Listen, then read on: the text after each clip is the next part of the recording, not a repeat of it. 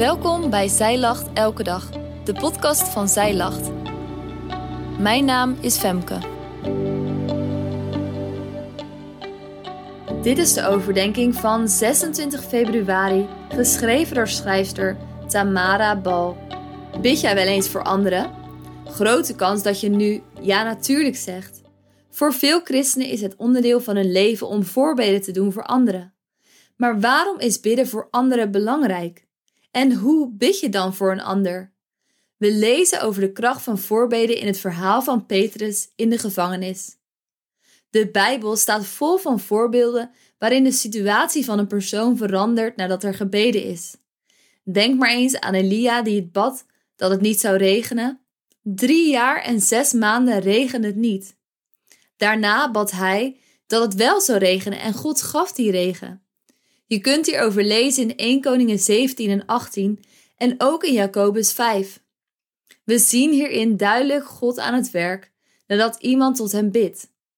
In de psalmen kunnen we lezen over David, die keer op keer God om hulp roept in zijn benauwdheden. God bevrijdt hem uit de handen van de vijanden. Een ander voorbeeld is Petrus. In Handelingen 12, vers 5 staat: Petrus werd dus in de gevangenis bewaakt, maar door de gemeente werd voortdurend voor hem tot God gebeden. Petrus was gevangen genomen door koning Herodes, en terwijl hij in de gevangenis zat, werd er voortdurend voor hem gebeden door de gemeente. Wat is het resultaat van hun gebed? Petrus werd bevrijd uit de gevangenis door een engel van de Heer. In Handelingen 2, vers 13 tot 16 lezen we het verhaal. Toen Petrus aan de deur van de poort klopte, ging er een dienstmeisje naartoe om te luisteren, van wie de naam Rodé was. En toen zij de stem van Petrus herkende, deed zij van blijdschap de poort niet open, maar rende naar binnen en berichtte dat Petrus voor de poort stond. En zij zeiden tegen haar: U bent buiten zinnen. Maar zij hield vol vast dat het zo was. Ze zeiden: Het is zijn engel. Maar Petrus bleef kloppen. En toen zij open gedaan hadden, zagen zij hem en waren buiten zichzelf. Dit deel van het verhaal fascineert mij. De gemeente heeft onophoudelijk voor Petrus gebeden, maar als hij vervolgens voor de deur staat, geloven ze hun ogen niet. Ik vraag me soms wel eens af wat de gemeente gebeden heeft. Baden ze om Petrus' bevrijding? Misschien was dat in hun ogen onmogelijk en baden ze vooral voor kracht om sterk in zijn schoenen te staan in de gevangenis. We weten het niet. Het daagt mij uit om eens kritisch te kijken naar mijn eigen gebedsleven. Wat bid ik voor anderen? En met welke houding bid ik voor anderen? Bid ik in geloof dat God werkt en wonderen doet? Ik denk dat we soms erg terughoudend zijn in onze voorbeden. Maar dit verhaal van Petrus' bevrijding uit de gevangenis leert ons dat het gebed omstandigheden verandert. De Bijbel zegt ook dat we mogen bidden voor zieken en dat de Heer hen zal oprichten. Dus laten we niet terughoudend zijn in onze gebeden voor anderen.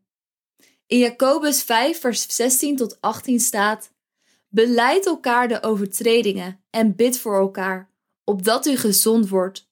Een krachtig gebed van een rechtvaardige brengt veel tot stand. En wat als de omstandigheden niet veranderen of als de uitkomst anders is dan jij verwacht? In het geval van Petrus werden de gevangenisdeuren geopend en ook in het vers in Jacobus zegt het dat het gebed van een rechtvaardige krachtig is en zijn uitwerking niet mist.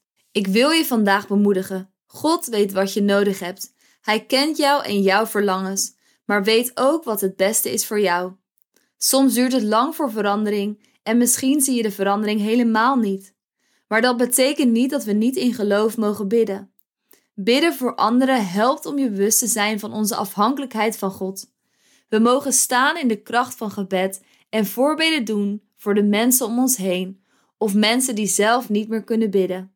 Wij mogen om hen heen staan en voor hen voor Gods stroom brengen. In het geloof dat God werkt.